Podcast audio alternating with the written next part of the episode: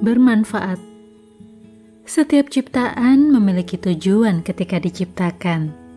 Demikian pula dengan hidup kita.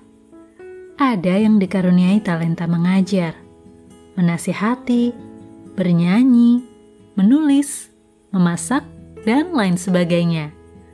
Ketika kita ada dalam sebuah komunitas, lingkungan, keluarga, perusahaan, dan sebagainya, sudahkah kita menjadi manfaat untuk orang-orang di sekitar kita?